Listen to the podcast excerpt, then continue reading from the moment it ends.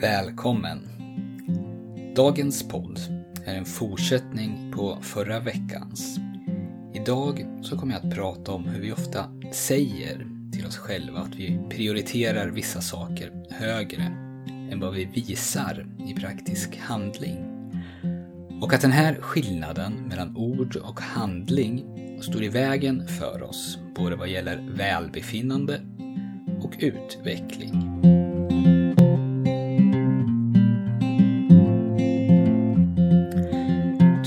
Lyssnar på Monkey Mindset, en podcast av mig, Daniel Sjöstedt. Och jag är mental tränare och varje vecka försöker jag att presentera en tanke eller ett koncept som kan göra ditt liv lite lättare. Det är i alla fall mitt mål. Inom mental träning och coaching så strävar vi ofta efter att tydliggöra och skapa insikt. Det kan handla om att undersöka vilka som är ens verkliga värderingar eller ens verkliga prioriteringar till exempel. Eller hur ens egen roll ser ut i något sammanhang där ett problem har uppstått. Vi försöker att gå ett par lager under ytan och inte bara ta någon på orden när de säger vad hon vill göra eller när de säger vad som är viktigt. Utan ta reda på om det stämmer eller om det finns någonting annat under, någonting mer grundläggande och mer sant.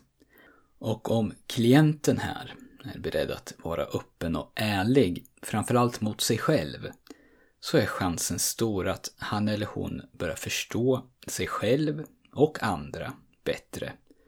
Och då, när man får insikt om hur det verkligen ligger till, så har man bra förutsättningar för att skapa förändring, om det är det som man vill.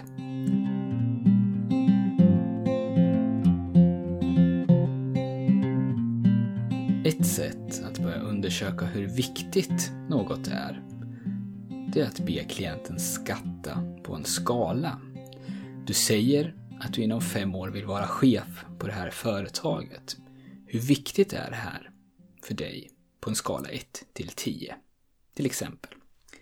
Och så får man en siffra och så undersöker man tillsammans vad den siffran egentligen betyder. Säg att du skattar någonting till en sjua. Vad innebär en sjua? Vad är du beredd att göra då? Och vad är du inte beredd att göra? Och ju djupare man gräver här, desto bättre i regel. Och som alltid pratar jag nu inte om sånt som man behöver en psykolog för att nysta upp. Men att noggrant spesa vad en sjua betyder, kanske också vad en sexa och en åtta betyder så att man ser skillnaderna. Och sedan fråga sig själv om man verkligen är beredd att göra det här, betala det här priset som man säger sig vara beredd att göra. Det hjälper att göra situationen tydlig och du vet då exakt vad som gäller. Och då är chansen större att du känner att du har kontroll. Och kontroll, det är ju som jag har sagt tidigare väldigt viktigt för oss, både för drivkraft och för välbefinnande. Och många av oss, vi tänker ju redan i de här banorna i vårt vanliga liv. Vi kanske inte skattar i saker i skalor 1 till 10, men vi berättar ju hela tiden för oss själva vad som är viktigt och vad vi vill ska hända. Men vi undersöker inte oftast vad de här värdena vi ger någonting egentligen betyder. Och när vi inte gör det så finns risken att det skapas friktion. Friktion mellan vad vi säger att vi tycker är viktigt, kanske säger till oss själva till och med, och vad vi uppvisar i handling.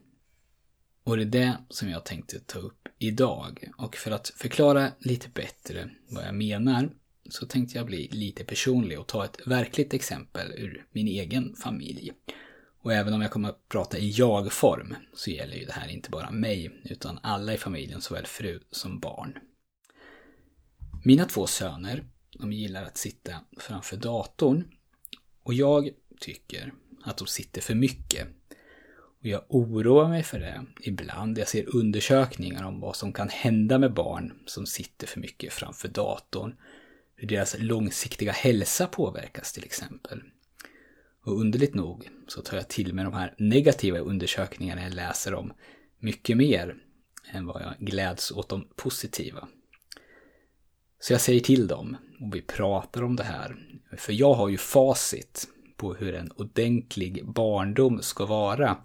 Man ska vara ute och röra på sig och hänga med kompisar. Face to face alltså, inte via skärmar. Och detta facit, det är ju för övrigt en kopia av hur det var när jag själv var liten. Vilket kan tyckas vara en märklig slump.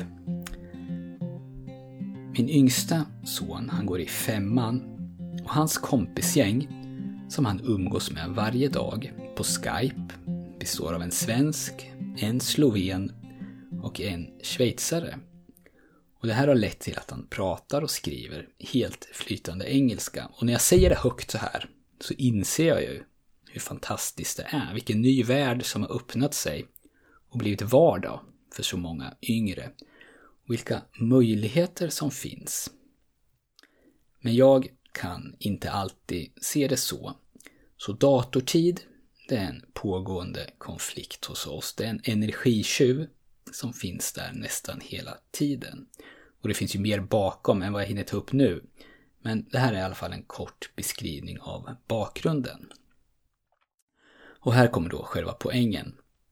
Om man frågar mig så kommer jag att säga att det här är någonting som är väldigt viktigt för mig. På en skala 1 till 10 så är det 9. Men vad gör jag åt det? Jo, jag gnäller ganska mycket. Inte bara högt, utan också inombords, på mig själv. Och jag har ofta dåligt samvete. Jag tar ibland små initiativ till förändring. Men de, de håller oftast bara i sig några dagar och sedan så rinner de ut i sanden. Men låter jag dem åtminstone spara ihop till sina egna datorprylar? Nej, det gör jag inte. Och vad händer om någonting går sönder? Och då ser jag till att det lagas. Och stänger jag åtminstone av internet då, vissa tider, när jag inte tycker att de ska sitta vid datorn? Nej, det gör jag faktiskt inte heller. Så i konkret handling, förutom gnäll och ibland lite butter uppsyn, så gör jag väldigt lite för att förändra den här situationen. Det är mycket snack, men väldigt lite verkstad. Trots att jag säger, både till barnen och till mig själv, att det här är väldigt viktigt för mig. Så att hävda, som jag nyss gjorde, att det här är en nia, det är ett skämt. För när man undersöker det, så som jag har gjort nu, väldigt översiktligt, alltså man tittar på vad jag egentligen gör, så är det kanske en sexa. Och om jag nu på riktigt fruktar för att för mycket tid framför datorn inte är bra för mina barn, så bär det ju emot att erkänna för mig själv att jag bara prioriterar det som en sexa. Man känner sig inte som en jättebra förälder. Men när jag tydliggör det så här och ser och accepterar hur det verkligen förhåller sig så har jag åtminstone någonting att jobba med.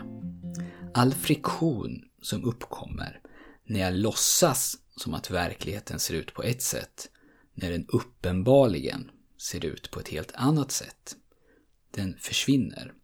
Och bara den friktionen, den kostar väldigt mycket energi och den står i vägen för förändring. När mina ord och mina handlingar inte ens är överens om grundförutsättningarna, då är det svårt att röra sig framåt och då är det svårt att ens definiera problemet. Och som en parentes så jobbar vi alla med en skev skala, vilket bara det gör att det är svårt att få bort den här friktionen. Man säger till sig själv att ens barn till exempel är det viktigaste som finns och därför tänker man moraliskt att det som har med deras välbefinnande att göra, det ska prioriteras högt. Och allt under nio eller jätteviktigt eller högsta prioritet eller vilket språk man nu använder. Det känns futtigt, det känns liksom inte okej. Okay. Så ens egen moral tvingar upp en på de här nivåerna. Och när man inte kan leverera samma nivå i handling, då bildas friktion eller energiläckage eller vad man nu vill. Och jag graderar ju inte hur mycket jag älskar mina barn eller hur mycket de betyder för mig. Men inombords så blandas de här sakerna ihop. Så en siffra som inte är nio eller tio får mig att känna mig besvärad. Och samma sak kan förstås uppstå när man jämför olika saker. När man säger till sig själv att en sak är mindre viktigt i förhållande till något annat. Jobbet i förhållande till familjen till exempel, eller på ett företag, nöjda kunder i förhållande till vinstmarginal. Men så agerar man på ett helt annat sätt i praktisk handling. Det skapar osäkerhet och otrygghet. Och att jag då accepterar att jag prioriterar skärmtid som en sexa. Det betyder ju inte att jag behöver gilla det eller nöja mig med det. För jag kan ju nu börja undersöka vad en sjua till exempel skulle betyda. Och för mig så kanske en sjua innebär att vi slår av internet på vissa tider av dygnet. Och då får man fråga sig själv, vad skulle det kosta? Och är jag beredd att då ta den kostnaden?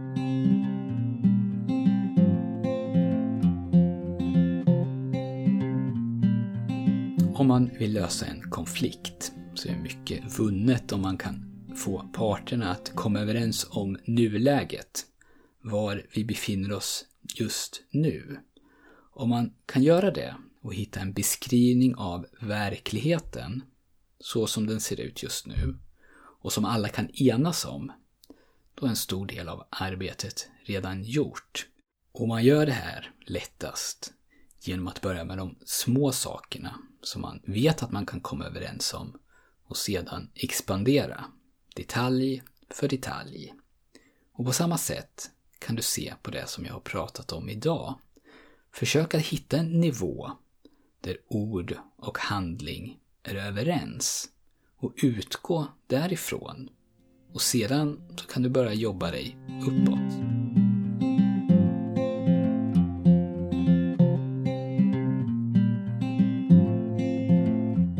Jag hoppas att jag har väckt några tankar hos dig. Om du vill komma i kontakt med mig så når du mig just den här veckan inte på daniel.monkeymindset.se. För jag har nämligen haft mejlstrul och all mejl som har skickats lördagen den 22 oktober och senare, den har inte kommit fram. Så om du har mejlat mig det datumet eller efter det datumet och inte fått svar så behöver du skicka om. Och du kan då skicka till ds danielsjostedt.se Alltså ds som mina initialer snabela Daniel Sjostedt. Daniel Sjöstedt utan prickar och punkter. .se. Och om du är nyfiken på mental träning så kan du få det som du behöver för att komma igång om du signar upp dig för mitt nyhetsbrev. Du gör det på www.monkeymindset.se och då får du de fyra ljudfiler som ingår i min app som heter just mental träning med tillhörande instruktioner. Och de fyra ljudfilerna heter Slappna av, Gå djupare, självkänsla och målbilder. Och om du känner dig manad så får du också väldigt gärna ge den här podden en recension på iTunes. Det hjälper mig mycket och jag uppskattar det verkligen. Det var allt för den här gången. Tack för att du har lyssnat och vi hörs snart igen.